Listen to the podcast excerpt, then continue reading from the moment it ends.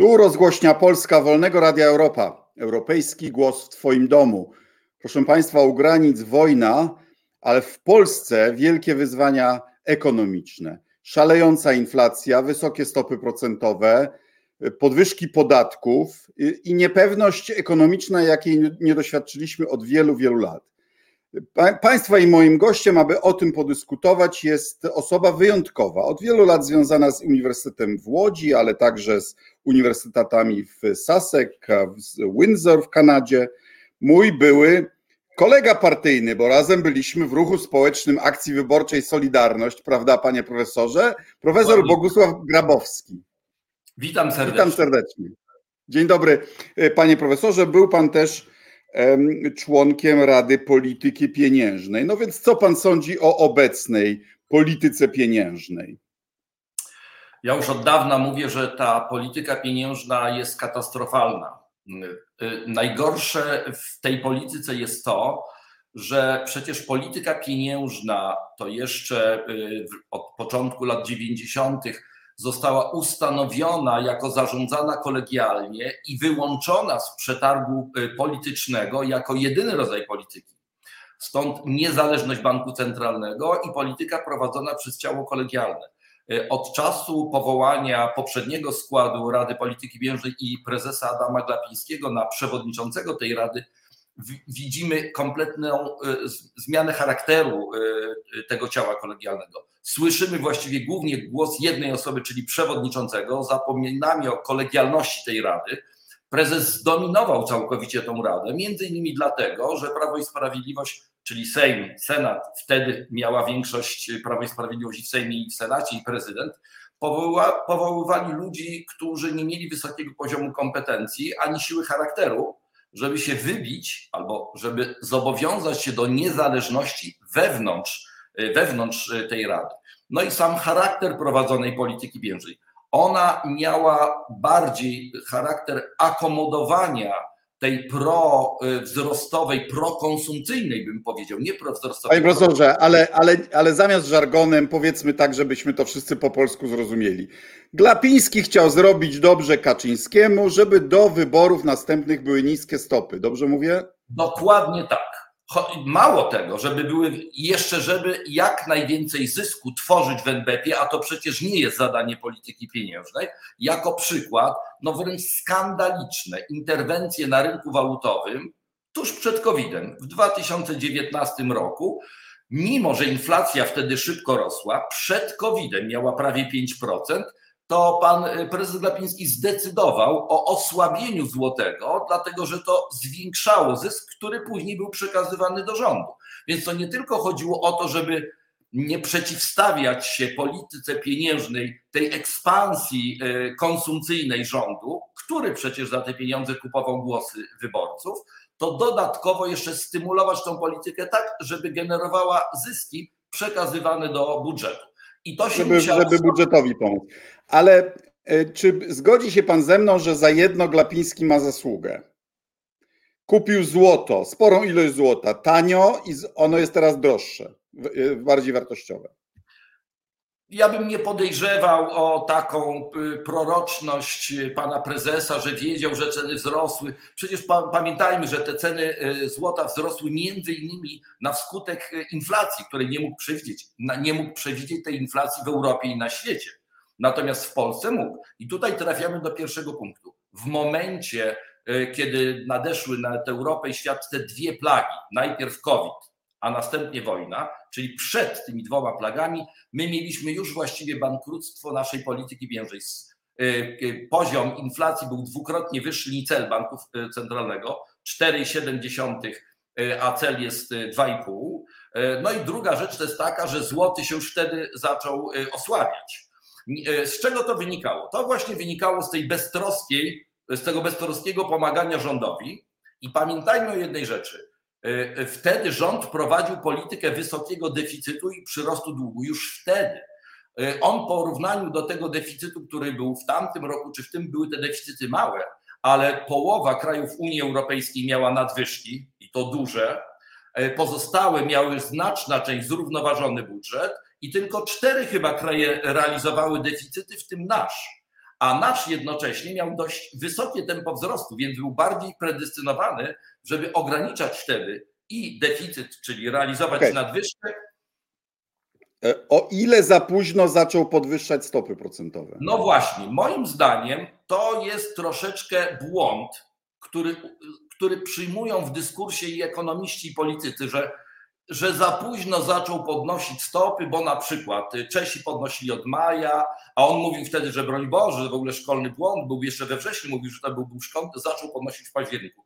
Tak naprawdę my mieliśmy środowisko narastającej inflacji przed COVID-em. I to był pierwszy błąd, i tym się Polska różni od innych krajów yy, europejskich czy od Stanów Zjednoczonych. Druga rzecz. W COVID-zie zdecydowanie za bardzo ją poluzował. My mówimy o tak zwanym luzowaniu ilościowym. Tylko, że to luzowanie ilościowe zupełnie czym innym jest w Stanach Zjednoczonych i w Europie. Tam mamy banki niedopłynne i luzowanie ilościowe polega na wtłaczanie do banków, które są niepłynne płynności, a u nas była nadpłynność sektora bankowego przed tym pompowaniem. Tam to się nazywa strukturalne powiększanie płynności, ale u nas to jest strukturalne powiększanie nadpłynności.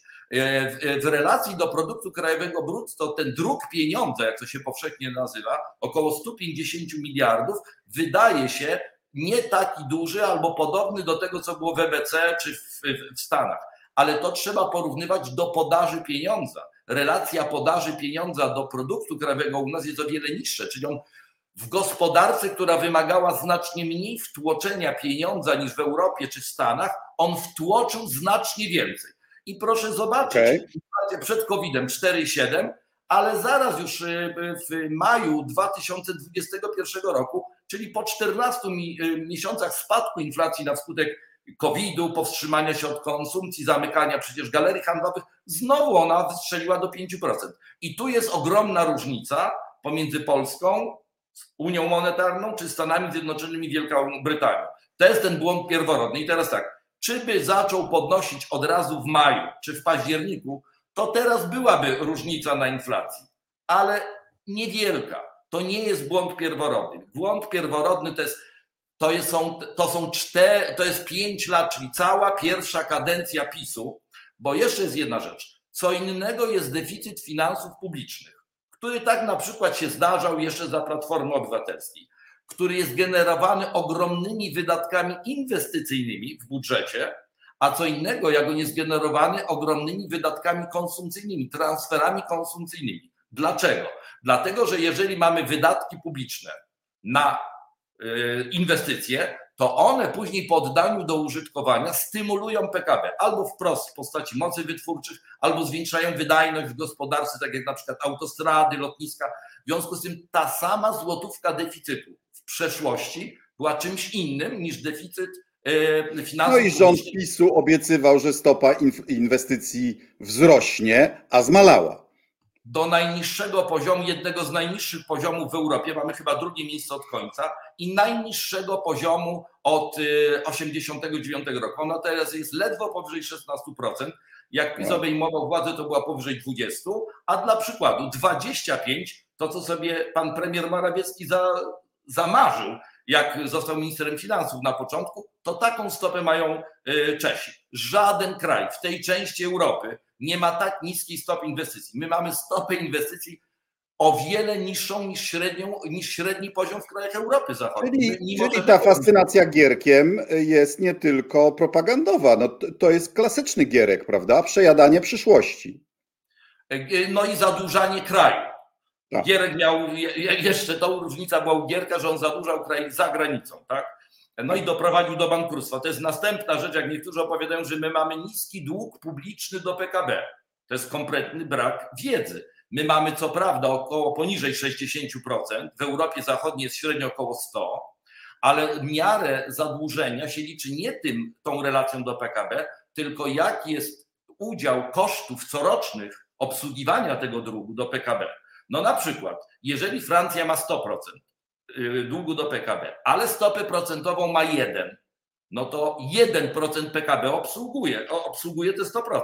A my mamy już stopy procentowe prawie 7% i przy tym naszym 50-paroprocentowym długu do PKB musimy corocznie wydawać teraz na obsługę długu Dwa razy więcej niż Francuzi. Nowego długu, prawda? A Tak, był tak, tak. taki moment, pamiętam, 2011 około, gdzie ubezpieczenie polskich obligacji było tańsze niż francuskich, czyli nasza wiarygodność finansowa y, y, równała się wi- wiarygodności francuskiej. Tak jest. I tutaj była bardzo szybka tak zwana konwerencja, czyli zbliżaliśmy się nie tylko, bo, bo to się trzeba patrzeć na całokształt parametrów makroekonomicznych.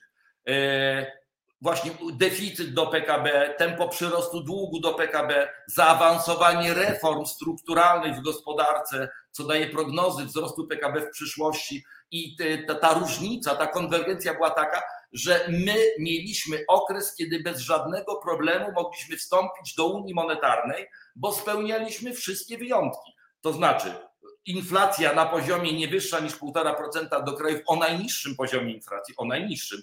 Stopy procentowe dziesięcioletnie, które są nie mniejsze niż tam 1,5% średniego poziomu. A teraz to lata świetne od spełnienia tych kryteriów. Chciałbym, Ja chciałbym wrócić do warunków wejścia do euro i w ogóle y, zasadności tego, ale zatrzymajmy się jeszcze na przeszłości przez moment, bo w jednym chciałbym, nie wiem czy nawet bronić NBP-u, ale ja miałem taki problem z y, y, brakiem inflacji przez tak długi czas w całym świecie zachodnim.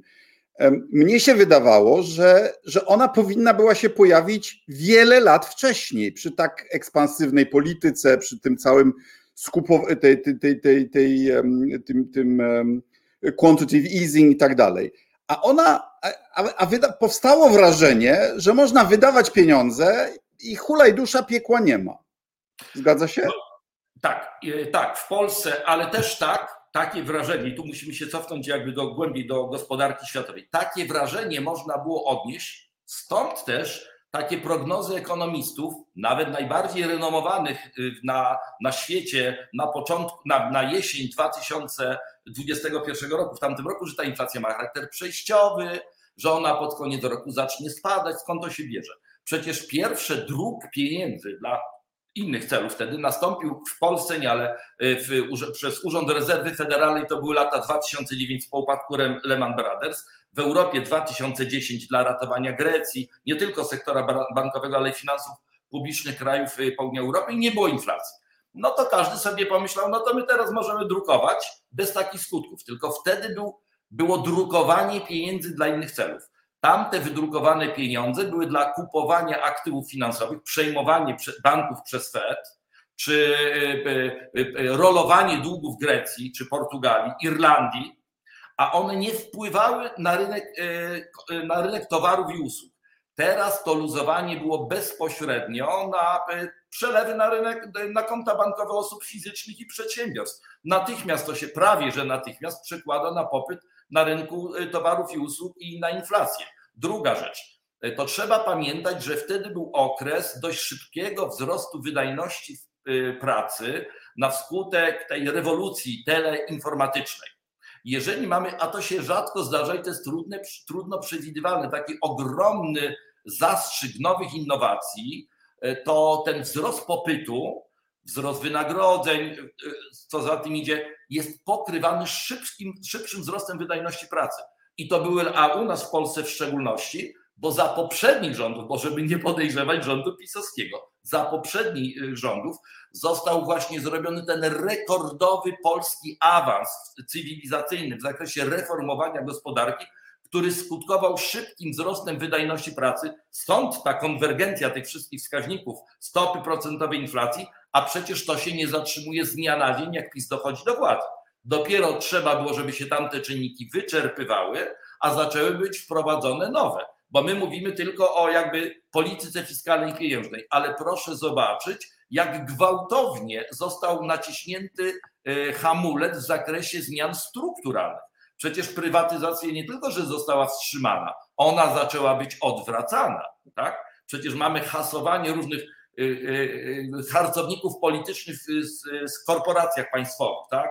PGNiG, Nie no, w ogóle cała ideologia, że państwowe jest lepsze od prywatnego, prawda? a w to państwowe jest zarządzanie przez quasi-polityków, niekompetentnych menedżerów. Przecież to z dnia na dzień, jak się nawet najbardziej, najmniej kompe- kompetentnego człowieka nie wstawi do Apple'a, no to skutki korporacyjne nie będą za miesiąc, za dwa. Tam jest cała kultura korporacyjna, cały skład ludzi. Najpierw trzeba ich na kolesi powymieniać, rozbić tą strukturę korporacyjną, y, pomniejszyć wiarygodność na rynku krajowym i zagranicznym, a później mamy konsekwencje. Więc dlatego na początku nie widzieliśmy tych wszystkich skutków. One się teraz wszystkie kumulują, ale to jest początek kumulacji.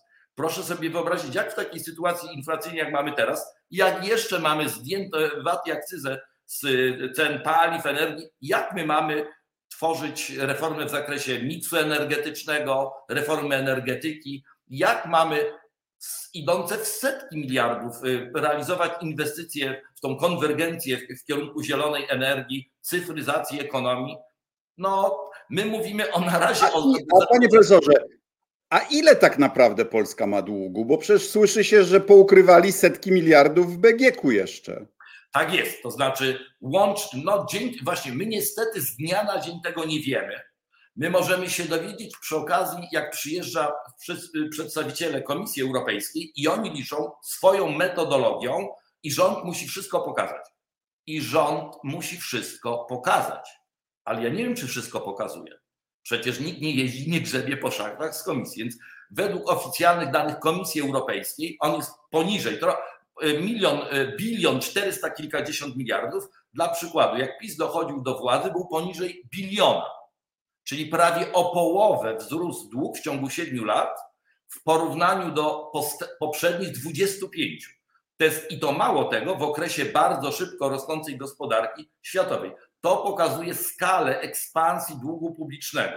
I teraz tak, ten dług dalej rośnie. W tym roku znowu ma przyrosnąć deficyt według tego zapowiadanego w Unii planu konwergencji, który w kwietniu rząd przedstawił, to będzie znowu e, około 130 paru miliardów złotych. E, to jest na razie założenie, ale już słyszymy, że ma być podniesione 500, plus, a wynagrodzenia mają być podniesione tutaj, a przedłużymy tarcze antyinflacyjne, prawda, które sobie trudno wyobrazić, żebyśmy zjęli przed wyborami, więc pewnie będzie on szybciej. I teraz proszę popatrzeć, jak mamy szybki, gwałtowny wzrost długu, i gwałtowną, y, y, gwałtowny wzrost rentowności obligacji, czyli oprocentowania długu, to jak nam się to, y, jak to wpływa na finanse publiczne. A przecież my z każdym rokiem musimy skrócić okres dochodzenia na przykład do rozwiązań Fit for 55, tak? Ja sobie, jako ekonomista, ja sobie nie wyobrażam tego procesu niezbędnych zmian. Ale, ale panie profesorze, no mieliśmy kotwicę konstytucyjną długu, no ale to wojna w Ukrainie wprowadzi się y, zasadę, że wydatki na obronność są poza deficytem i poza zadłużeniem, no i już, no. No więc właśnie o to chodzi. Jeszcze jest jedna rzecz. Proszę zobaczyć, że to skup tych obligacji przez NBP w czasie COVID-u to był skup głównie nie tylko obligacji skarbowych, ale gwarantowanych przez Skarb Państwa, przez y, fundusz, y, Polski Fundusz Rozwoju i BGK. Ja sobie nie wyobrażam, jak Narodowy Bank Polski mógł skupować te obligacje, jak mógł PFR emitować. Skarb Państwa, jak emituje obligacje dla pokrycia deficytu, to przecież wiadomo, że będzie miał z okresu na okres jakieś dochody, bo przecież ma dochody podatkowe. A jakie dochody ma PFR, który wyemitował obligacje, w którym w opisie tych obligacji było, że 75% z ich przychodu da przedsiębiorstwom jako darowiznę. Później się okazało, że to jest bliżej 100, bo była druga fala. To jak PFR będzie wykupował te obligacje? A jeżeli PFR nie wykupi tej obligacji, to będzie wtedy musiał dać z wydatków budżetowych na to budżet, to samo z BGK. No jak możemy z obligacji zbroić się, jeżeli emitent tych obligacji nie będzie miał dochodów, które będą podstawą do ich wykupu. Więc my mamy bałagan, to nie tylko gwałtowny wzrost długu, ale totalny bałagan wśród przejrzystości finansów publicznych. No łamanie konstytucji to jest na co dzień, więc nie dziwi się, ja mam, że była łamana. Więc. Ja mam taką refleksję, że na Zachodzie się mówi, że prawica akumuluje, a lewica wydaje, prawda? A u nas chyba odwrotnie. No ja mam inny pogląd na ten temat, co jest lewicą i co prawicą. Ja już to kilkanaście lat temu rysowałem na układzie współrzędnych. Nie da się wytłumaczyć świata bez mojego sposobu analizowania. Na układzie współrzędnych wtedy mamy cztery ćwiartki. Na jednej osi jest ta prawica, lewica światopoglądowa, a na drugiej ekonomiczna. No i my mamy. A jeszcze prawicę... bym dodał trzecią stosunek do historii. E, I, tak, tak, tak, tak. To, to, to, tak, tak. Ale ona ma charakter właśnie taki światopoglądowo, religijno, y, to jest inna osia, poglądy na gospodarkę. Y, no niestety, u nas jest tak w Polsce, niestety u nas jest tak i tak było po 1989 roku, że jak sobie popatrzymy w jakiej ćwiartce leży najwięcej poglądów, to w tej ćwiartce, ja, dla mnie to jest czwarta ćwiartka. Narodowo-socjalistycznych, nie? Tak jest. O, oczywiście Niestety. wraz z upływem czasu te, te, ten rozkład poparcia społecznego poglądu społecznych, on będzie przechodził. Dlatego u nas nigdy nie było takiego typowego podziału, jak na przykład, nie wiem, w Niemczech, tak? Czyli mieliśmy chrześcijańską demokrację, socjaldemokrację i liberałów. To już tam się nawet zakłada. W Polsce nigdy Jasne. tego nie było. A wracając do inflacji, nie wiem, czy pan widział, chodzi po internecie taki mem, w którym pani marszałek Witek mówi, że naszą odpowiedzią na inflację jest 14 emerytura. emerytura. I e, obok tego jest taki pijaczek, który właśnie się prze, przewrócił na rowerze, trzyma butelkę i mówi: e, Moją odpowiedzią na alkoholizm jest pół litra. Tak jest. A czy, mem, czy, pięknie czy, opisuje rzeczywistość. Czy, jest, czy wydatki socjalne są, są ratunkiem na inflację? E, tak, znaczna część Polaków e, no, nie żyje na tyle długo, żeby pamiętać, na czym polegała inflacja przed 1989 roku. Inflacja jest to zjawisko o wiele szybszego wzrostu e, popytu globalnego w gospodarce niż podaży. Ona może następować nie tylko na wskutek szybszej dynamiki popytu, ale również szoków podażowych, które ograniczają podaż. Niemniej jednak ta luka ona jest tylko mierzona wskaźnikiem zmian cen. No bo przecież jak mogła być mierzona wskaźnikiem wzrost cen w socjalizmie, jak ceny tam zmieniało raz na 10 lat plenum partii, tak? I wtedy były protesty, przyspawanie lokomotyw do torów albo proces gdański. No więc yy, tak, tak zwana tarcza antyinflacyjna albo te 13 czy 14 emerytury jest niczym innym jak zwiększaniem presji inflacyjnej, bo dokładamy popytu bez dokładania podaży.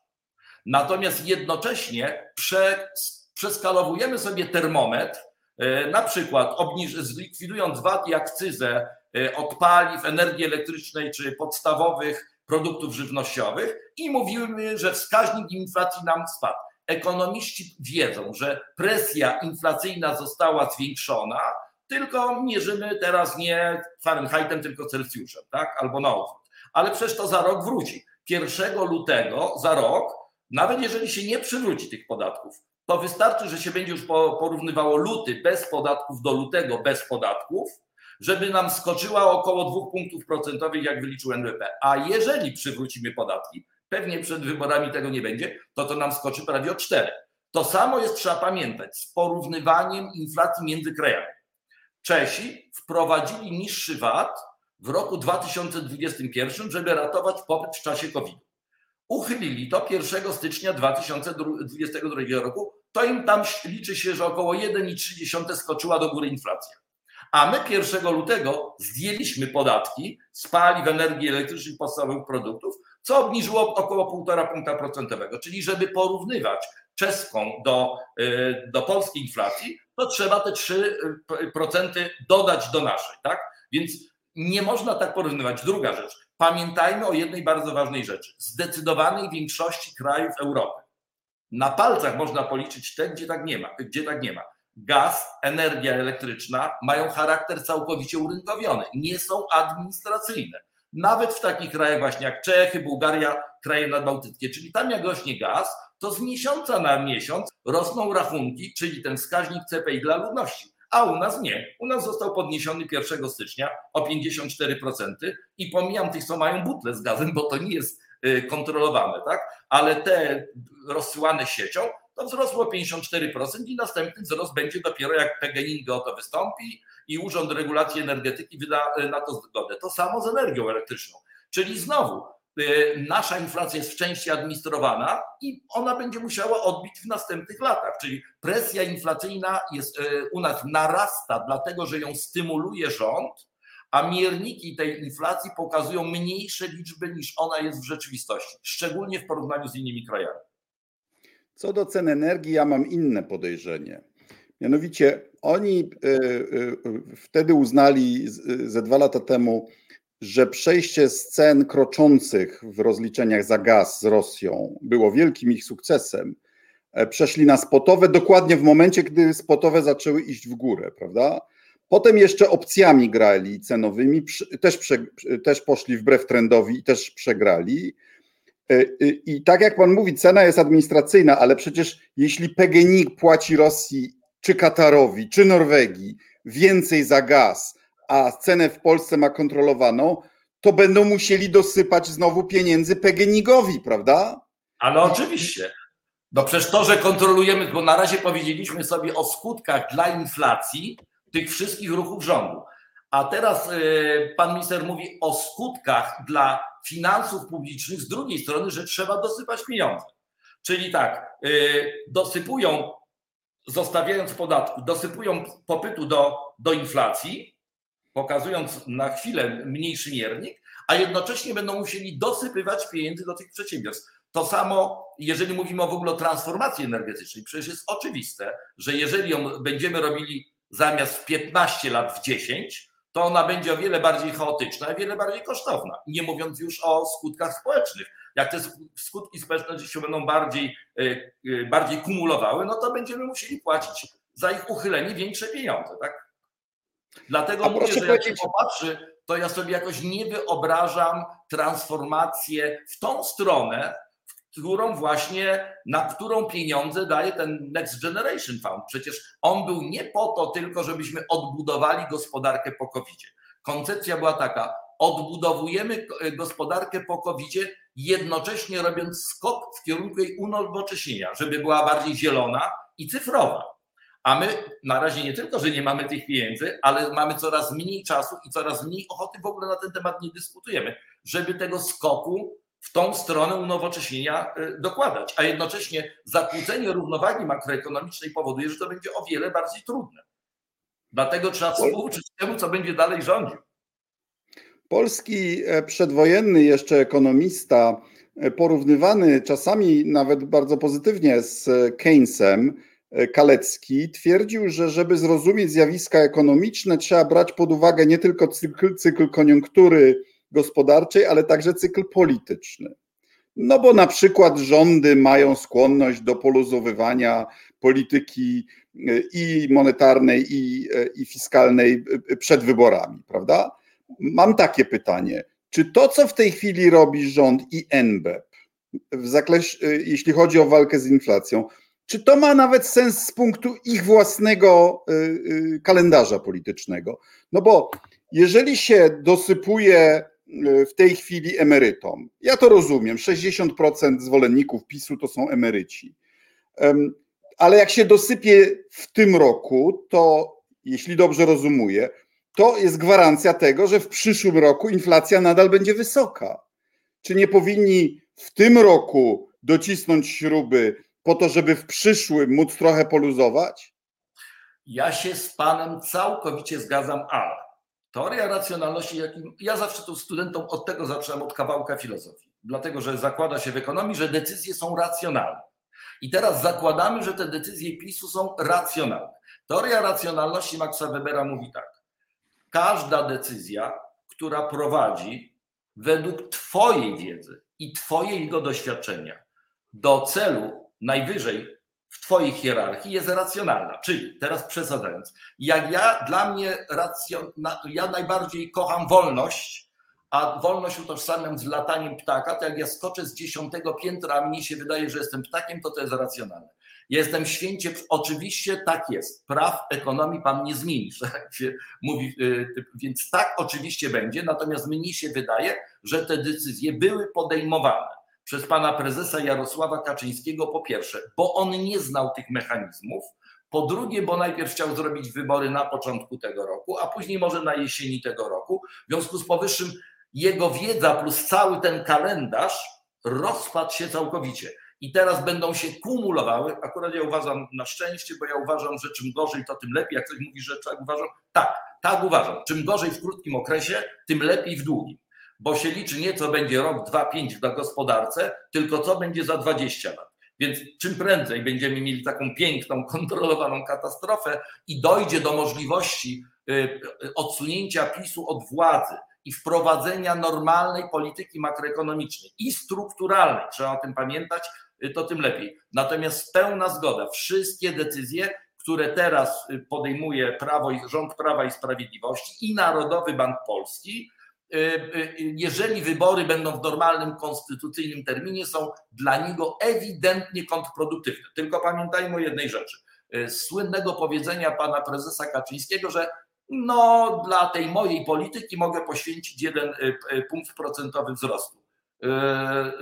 On wtedy gotowy jest wyjść i obiecać 500 plus to będzie 700 czy 800 zł, 15 emerytura i tak dalej, prawda? I to jest sprawa taka, czy Polacy no, nauczą się y, wyciągania własnych, racjonalnych wniosków z tego, co obserwują.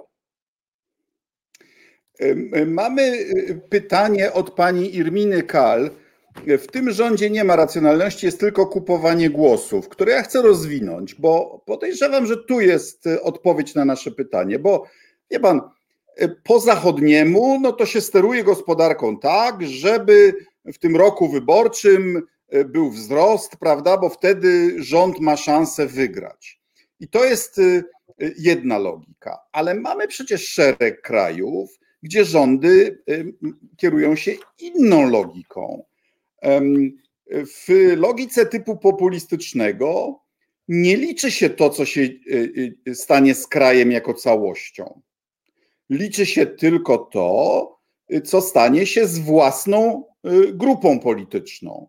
Y, żeby daleko nie szukać, Wenezuela, kiedyś jeden z najbogatszych krajów świata, a nie tylko Ameryki Łacińskiej, dzisiaj nadal jest rządzona przez populistów, którzy odkryli, że kraj się może walić kompletnie, ale jeżeli dbamy o, o relatywną pozycję własnej grupy wsparcia, to można utrzymać poparcie polityczne. Więc tak jak kiedyś Wenezuela była bogata, tak dzisiaj zwolennicy partii rządzącej nadal ją popierają, bo dostają paczki żywnościowe od swojej partii. Więc może logiką PiSu nie jest to, żeby, był, żeby Polska się bogaciła, tylko żeby um, y, ludzie niepracujący, głosujący na PiS, um, mieli większy kawałek tortu, e, e, e, albo przynajmniej ten sam kawałek tortu, jaki, jaki mają od paru lat. Może to jest ta logika. Y, powiem tak, całkowicie w pełni się zgadzam, tylko z jedną uwagą. Nie może logiką PiSu, tylko moim zdaniem na pewno, ja rozumiem, że to był na pewno logiką PiSu, to znaczy każda władza, każda partia polityczna, każde ugrupowanie polityczne chce zdobyć władzę, żeby realizować jakąś swoją agendę polityczną, opartą na jakiejś ideologii, światopoglądzie albo pragmatyce ale oczywiście to jest przy warunkach ograniczających, polegających na tym, że nie można w tym przesadzić na tyle, żeby nie stracić poparcia społecznego i władzy w następnym okresie, bo niektóre reformy trwają dłużej niż kadencja, czyli realizacja celu wymaga podejmowania bardziej długotrwałych, w pozytywnych skutkach decyzji, a w krótkich mogą przynosić koszty. Jestem przekonany absolutnie, to możemy sobie udowadniać tutaj na każdym przypadku, że zupełnie inaczej to jest z Jarosławem Kaczyńskim. Bo my, ja, niekiedy przesadzamy, mówiąc z rządami PiSu. To jest głównie rządy Jarosława Kaczyńskiego. Jego celem jest trwanie przy władzy. A e, jak się uda to zrobić przy okazji, nie psując gospodarki, proszę bardzo. Ale jak się nie da nie psuć gospodarki, to, to tym gorzej dla gospodarki. E, I druga rzecz, do tej, do, jak, tak jak w Wenezueli, do tego jeszcze dochodzi to, że od czasów tej Wenezueli jeszcze bardziej społeczeństwa podzielone są na bańki. Więc jeżeli będziemy w tamtej części, a u nas jeszcze ta bańka jest zwiększona przez mechanizm Donta, tak? Jeżeli w tej bańce propisowskiej będziemy kupowali ludzie, ludzi tłumaczeniem ideologicznym propagandowym, że my rządzimy najlepiej, a jednocześnie będziemy o nich jakby bardziej dbali, no to bardzo długo może się poparcie kosztem kompletnego rujnowania gospodarki y, utrzymywać. Dodatkowo jeszcze jest jedna rzecz, no niestety tak to jest u człowieka, że niekiedy, a myślę, że w niektórej części elektoratu polskiego to tym bardziej, cieszymy się też wtedy, kiedy nawet jak nam się pogarsza, to innym się bardziej pogarsza. A przecież y, jeżeli ponad połowa elektoratu Prawa i Sprawiedliwości nie ma dochodów z pracy, no to, no to wiadomo o co chodzi. Tak? Nie ma dochodów z no pracy, nie ma oszczędności nie jeździ tak bardzo po autostradach, nie, nie, nie korzysta z lotnisk, nie jeździ za granicą, no to tym taniej i łatwiej jest utrzymywać to. Jestem przekonany, że różnica między rządami populistów a innymi jest taka, że tam jest paradygmatem. Podstawowy cel to jest trwanie przy władzy, a inne to są warunki poboczne, a w innych partiach politycznych, które też chcą oczywiście zdobywać i utrzymywać władzę, to to jest warunek ograniczający. Nie będę przesadzał, żebym mógł kontynuować realizację swoich celów w przyszłości. To jest zupełnie inne podejście do polityki. Zmierzając powoli ku końcowi, chcę zadać leninowskie pytanie. No, co działać? Co, co robić? Bo nakreślił Pan obraz tego, że kolejny rząd będzie miał bardzo duży problem. E, znaczy, bardzo drogi do obsługi e, dług publiczny, inflację, może nawet stagflację, czyli recesję i inflację jednocześnie, bardzo rozbudzone oczekiwania konsumpcyjne i zduszone, zduszone inwestycje. I sytuacja, w której na przykład całe młode pokolenie jest wykluczone z rynku nieruchomości, już w tej chwili i to tak się stało z dnia na dzień praktycznie. Młodych ludzi to przestało. Trwało przez lata. I to będzie niestety trwało przez lata.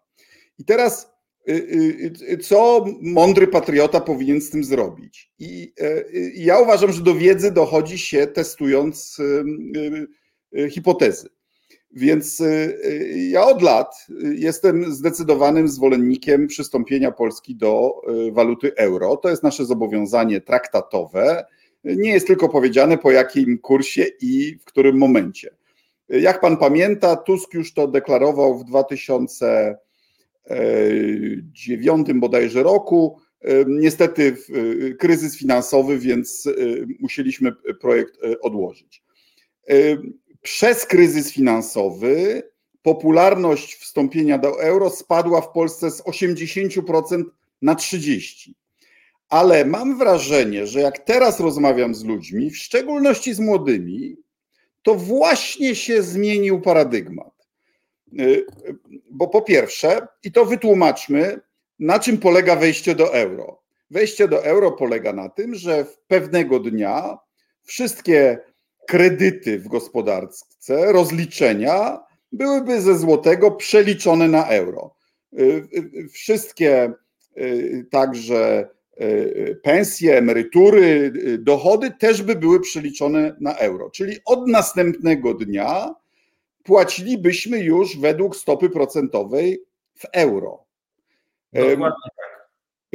W strefie euro inflacja w tej chwili jest średnio licząc wyraźnie niższa niż w Polsce, a w Belgii, tam gdzie ja pracuję, pożyczka hipoteczna na mieszkanie kosztuje 1,25%. Oczywiście one są różne w różnych krajach euro, w zależności od rentowności obligacji, ale zdecydowanie niższe niż w Polsce. No więc jak ja y, y, rozmawiam z młodymi ludźmi i ich pytam, no słuchajcie, chcecie, chcecie tańszego kredytu i większej zdolności kredytowej, no to musimy przejść na euro. I oni tak patrzą, mówią, no, no 1,25 byłoby fajnie, nie? No byłoby fajnie. Mo, może w tej chwili logika polityczna wejścia do euro yy, zaczyna sprzyjać temu procesowi. Mm, absolutnie tak. To znaczy, po pierwsze, y, zobaczyliśmy chyba w ostatnich, co najmniej no, w ostatnim roku, jaką ważną kotwicą bezpieczeństwa jest Unia Europejska i NATO, ale również strefa euro. A jak jeszcze ktoś nie dostrzegł, to zobaczymy, co się będzie działo w procesie obniżania inflacji. My, jak się patrzymy na tą inflację, taką, to się headline inflation, to CPI, to tam jest w Unii Europejskiej dwa razy mniejsza. Ale bazowa inflacja, na którą te szoki podażowe nie wpływały, to tam jest raptem 3%, a u nas prawie 8%, więc u nas jest dwu i półkrotnie większa. Ja powiem jedną rzecz, bo, bo nie ma co wchodzić w szczegóły no chyba powiedzieliśmy sobie, że dla logiki politycznej y, absolutnie jest fundamentem, żeby do władzy dochodziły partie, które chcą realizować swoje cele polityczne, a nie przy niej trwać. Czyli samo odsunięcie Prawa i Sprawiedliwości od władzy, które zgotowało ten los i w części strukturalnej, my o tym nie rozmawiamy, ale narastający ogromny problem w tej polityce strukturalnej jest ogromny. No to przecież teraz trafiliśmy do fundamentu. Przecież jest oczywiste, że jeżeli tego się nie zrobi, to żadna partia polityczna, żeby sobie nie wiem co wymyślała, jakieś programy mieszkaniowe, socjalne, edukacyjne, yy, zielonej energii, transformacji ekonomicznej, to jest po prostu bujanie w obłokach. My musimy parę tych fundamentalnych punktów napisać wspólnie. Ja mówię o wszystkich partiach politycznych opozycyjnych. Napisać fundamentalne punkty w zakresie przywracania ładu politycznego, konstytucyjnego, praworządności, autorytetu Polski w Unii Europejskiej, w ogóle w polityce światowej i dokładnie to samo jest z gospodarką. No nie wierzę, że w tym zakresie się będzie, nie wiem, y, od lewa do prawa ktoś w opozycji różnił, jeżeli mówimy o fundamentalnym przywróceniu niezależności banku centralnego, przejrzystości finansów publicznych, przywracania równowagi, wprowadzenia podstawowej gry politycznej, ale na bazie zrównoważonej gospodarki i polityki. To prowadzi do jednego. Nie ma co wymyślać punktów, trzeba, ja to mówię od dwóch lat, zwołać okrągły stół opozycji, żeby to przedstawił, napisał i tym młodym ludziom też pokazał jasną ścieżkę, a później dopiero niech się po tym wszystkim rozpocznie gra polityczna i niech się kłóci prawica z lewicą, centrum o, o, szczegóły, bo jak my mamy się kłócić o szczegóły, czy progresja podatkowa mniejsza, czy większa, czy y, wydatki socjalne bardziej, y, czy wydatki inwestycyjne mniej, jakie będzie tempo transformacji, jak my mamy rujnowane finanse publiczne, przejrzystości nie ma żadnej, wywalanie kilkuset miliardów długów poza budżet, podporządkowanie poprzez dobór kadr, a nie poprzez zmiany instytucjonalne, podporządkowywane polityce pieniężnej partii politycznej większości rządowej, no i my na tym tle mówimy, czy będziemy budowali mieszkania bardziej komunalne, czy bardziej będziemy dotowali do kredytów hipotecznych. To, jak ja oglądam jako ekonomista, te y, rozmowy różnych, to mnie się to wydaje śmieszne, bo to jest tak mniej więcej, jakby ktoś miał władzę, a ktoś inny w piaskownicy się tam bije łopatkę, tak? Właśnie, jako ekonomistę chciałem pana spytać, bo polityka to raz, ale jak się rozmawiało z racjonalnymi sceptykami co do y, wejścia do strefy euro, no to argumenty były takie. Ja mówiłem, y, no, y, korzyść polityczna, a ekonomicznie to eliminacja ryzyka kursowego, prawda, i tańszy kapitał. Ale oni mówili, i tu musiałem im przyznać rację, że jednak posiadanie własnej waluty to jest możliwość reagowania na szoki asymetryczne. I mamy w tej chwili szok asymetryczny w postaci wojny u, u granic ale ja nie widzę, żeby, żebyśmy my y, na to reagowali mądrze, y, używając złotówki. Jest dokładnie odwrotnie. To znaczy, przez to, że mamy wojnę, to rząd wreszcie poszedł po rozum do głowy i zaczyna wypełniać warunki Komisji Europejskiej co do praworządności, żeby wreszcie dostać y, euro na krajowy plan odbudowy, bo wiedzą, że im się finanse publiczne sypią. Więc oni tą, znaczy to, co miało być zaletą bycia, y, posiadania własnej waluty, y, oni postawili na głowie. Ja nie widzę y, tutaj od większej odporności Polski na tą wojnę dzięki temu, że mamy złotówkę. Pełna zgoda. Panie, panie pośle, powiem tak. Właśnie jakby mamy ogromne korzyści, o których Pan powiedział. Większa stabilność, w razie czego programy pomocowe, trzeba pamiętać, od tego czasu E, to już po tym, jak się nie udało Donaldowi Tuskowi po tym ogłoszeniu, bo był kryzys, ale wskutek tego kryzysu nastąpiła ogromna przebudowa strefy euro. A teraz jeszcze Unii Europejskiej z tym wspólnym funduszem. E, są programy stabilizacyjne, sześciopak. Minister Rostowski wniósł ogromny wkład w jego tworzenie. Z niego tak bardzo nie korzystamy teraz, a nawet go próbujemy obchodzić maksymalnie. Ale jeżeli mówimy o tych szokach asymetrycznych, no właśnie COVID i właśnie wojna pokazała, że te szoki, bo to szoki asymetryczne muszą być pomiędzy krajami, które mają tą samą walutę. A jakie szoki asymetryczne COVID był, COVID był symetryczny? No może dwa miesiące wcześniej był w Europie Zachodniej niż w Polsce, ale był identyczny symetrycznym szokiem. Ceny paliw, ceny energii, gazu, szczególnie po wyjściu Wielkiej Brytanii, która ma jakieś tam swoje zboże, złoża i Norwegia, która ma, to te szoki są wszystkie całkowicie symetryczne. Oczywiście, że y, możemy powiedzieć, no więcej, my produkujemy więcej z węgla, od którego musimy odchodzić, a inny kraj bardziej z atomu, tak? ale właśnie to ostatnie, te najsilniejsze szoki pokazały, że nie mamy dużych asymetrii we wpływie tych szoków na Unię Monetarną i też na Polskę. W związku z powyższym, a jakie one były silne? No po II wojnie światowej takich silnych nie było. To pokazuje, najlep- to pokazuje najlepiej, e, jak przesadzaliśmy z tymi szokami, są e, asymetrią szoków, a jak zbawienne coraz bardziej byłoby, gdybyśmy byli w strefie euro. Ale jeszcze poczekajmy, to jeszcze zobaczymy. My mamy już 6, prawie 7% płacimy od długu, który jest bilion 500 a to jeszcze będzie narastało. I będziemy, a proszę popatrzeć, ile płaci Słowacja. I ile no właśnie, Słowacja, która się nie wystraszyła kryzysu finansowego, weszła do euro i, i chwali sobie chyba, prawda? A ja mówię o tym, że trzeba pamiętać, jak ktoś ma kredyt hipoteczny, coś może być, no a ja nie mam. Każdy Polak, od tego, co się urodził wczoraj, do tego, który umrze jutro, jest zadłużony na około 40 tysięcy złotych. I każdy Polak jak mu wzrośnie jeden punkt procentowy, to 40 zł, jak wzrosło o 6, bo to maksymalnie, to każdy Polak 40 zł miesięcznie płaci więcej na koszt obsługi długu w porównaniu do tego, co było raptem półtora roku temu, czy rok. W związku z powyższym to nie jest tylko tych kredytów hipotecznych. E, w związku z tym ja widzę narastające dowody na korzyści, a jednocześnie narastające dowody na na te potencjalne negatywne skutki, że one w ogóle się nie sprawdzają, bo te szoki, jesteśmy tak długo i tak mocno zintegrowane, zintegrowani, że te szoki są coraz mniej asymetryczne. I no, no ale to jest zadanie dla wspólnoty politycznej, żeby to Polakom tłumaczyć. I to ma zdecydowanie Właśnie. większe znaczenie niż to, czy budownictwo będzie troszkę bardziej komunalne. Zresztą nie znam żadnej partii politycznej, która by nie uznała, że trzeba wspierać budownictwo mieszkaniowe, ale kłóćmy się po tym, już po odsunięciu PiSu od władzy. Może zakończmy jeszcze y, y, y, dyskusją o takim micie, bo ludzie się boją tej, tej, tego legendarnego efektu, który był na, we Włoszech po wejściu, po, po ustanowieniu strefy euro, że a cappuccino i fryzjer zaczęły być droższe. O ile wiem, Słowacja sobie z tym poradziła bardzo intensywną taką y, kampanią publiczną, e, ale ludzie tak w trzewiach się boją, że o, jak będziemy mieli walutę taką samą jak w Niemczech, to ceny będą niemieckie, a zarobki polskie.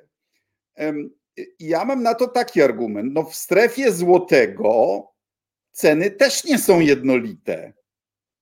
Cena nie jest wynikiem tej czy innej waluty. No, ja, ja rozmawiam z panem profesorem od siebie tutaj z Hobielina spod nakła nad Notecią. No i u nas w nakle i bochenek chleba, i fryzjer kosztują inaczej niż gdzie pan jest? W Łodzi, w Warszawie? No między nami nie ma dużej dyskusji, bo my się zgadzamy, ale oczywiście, ja bym teraz zadał... Tak samo w sprawie euro ceny są, ceny są bardzo różne w różnych krajach, a nawet w regionach różnych krajów, prawda? Główny Urząd Statystyczny od czasu do czasu publikuje dane dotyczące inflacji w poszczególnych województwach. Aha. Na przykład od około dwóch lat inflacja w Małopolsce jest mniej więcej, to ja ostatnio publikacja była przy inflacji ogólnokrajowej około 8%, 7%. Tam są o 1,5% wyższa inflacja. Czyli między wow. naszymi województwami są ogromne różnice. A jakbym zadał pytanie, a jaka jest inflacja teraz w stanie Nowy Jork w porównaniu do stanu Teksas? Kto na to Aha. pytanie odpowie? A nikt. Mówimy o całym. No więc my tworzyliśmy pewną integracyjną wspólnotę z krajów narodowych, gdzie mamy bazę statystyczną i tak dalej, ale oczywiście, że te inflacje są ogromne. One są duże nie tylko na poziomie cen, bo Pan mówi o poziomie, ale są duże też różnice na tempie wzrostu e, e, cen, prawda? Mamy różne struktury e, koszyka konsumpcji, inne uwarunkowania szczególne, a niektórych cen nie da się zglobalizować. No na przykład nie da się ujednolicić ceny fryzjera w Półtusku i w Warszawie bo inne są okolicze. W związku z tym, no tylko, że to wszystko, no, to, to trzeba tłumaczyć. To trzeba ludziom tłumaczyć, dlatego mówię, y, partie opozycyjne nie zdają sobie sprawy, jaki mają ogromny wspólny mianownik. W tym, co jest właśnie najważniejsze do zrobienia. Przecież najważniejsze w Polsce do zrobienia po wyborach to jest wszystko to, co stanowi wspólny mianownik, z tym nie ma kłótni. Więc jeżeli nie będziemy się kłócili o 75% zmian politycznych i o 75% zmian ekonomicznych, no to po co uwypuklamy zamiast ujednolicić, dyskutować na tym wspólnym, po co uwypuklamy te 25% różnic, które nigdy się nie uzewnętrznią, dopóki opozycja nie będzie rządziła. E, wyciągam z tego wniosek taki, że potrzebne jest minimum programowe, e, także gospodarcze, uzgodnione między partiami już przed wyborami, a de facto już, bo przecież e, ta większość rządowa wisi na włosku. Oni mogą chcieć skrócić kadencję, mają trzy metody. Jedną z metod jest dokonanie dymisji własnego rządu i oni mogą, oni mogą w pewnym momencie uznać, tak jak komuniści, że że rządzenie stało się już takim obciążeniem, że lepiej to oddać. I wtedy y, my powinniśmy mieć y, jako opozycja gotowe minimum programowe, żebyśmy wiedzieli, co robić y, następnego dnia, prawda? Dokładnie tak. Dlatego zresztą uważam, że samo rozpoczęcie obrad, przecież to może być merytoryczny okrągły stół opozycji, tak? Co trzeba robić, jak trzeba odbudowywać kraj, bo przecież my mówimy o przywracaniu elementarnej równowagi makroekonomicznej w zakresie kursu walutowego, inflacji, finansów publicznych, no ale przecież nam ucieka czas przed tymi fundamentalnymi reformami strukturalnymi, tak? Też trzeba je robić w konsensusie. Tutaj nie można przebudowywać y, energetyki, mając minimalną większość składającą się jeszcze z pięciu partii politycznych, a to decyzje są na lata. W związku z tym ja nie wiem, dlaczego się partie opozycyjne boją wespół z ekspertami, bo to trzeba robić wespół z ekspertami. Przecież y, proszę popatrzeć, y, co zostało z okrągłego stołu. No w działach tego w 89 roku niewiele, bo się otworzyły o wiele szersze możliwości w zakresie modernizacji kraju. Natomiast na ile doszło do wymiany poglądów, utarcia zbieżności stanowisk, że później się okazywało, że głosowania fundamentalnych zmian w grudniu 2089 roku przegłosowano takie zmiany strukturalne od upłynienia kursu, uwolnienia cen, y, płac i tak dalej. Y, I to wszystko szło w To była ekstraordynaryjna polityka, prawda? Dzisiaj Ale byłoby prawie niemożliwe. I takimi kategoriami trzeba myśleć, bo my naprawdę jesteśmy w ekstraordynaryjnym stanie i politycznym, i gospodarczym. A ktoś będzie miał, politycy będą zobowiązani rozwiązać ten problem. Panie profesorze, serdecznie dziękuję y, za rozmowę. Y, y, ja się dużo nauczyłem, mam nadzieję, że nasi słuchacze także. To był profesor Bogusław Grabowski. Dziękuję serdecznie. Dziękuję bardzo. To była rozgłośnia Polska Wolnego Radia Europa. Europejski głos w Twoim domu. Jeśli się Państwu podobało, to proszę, proszę o udostępnianie i lajkowanie. Dziękuję bardzo. Do zobaczenia.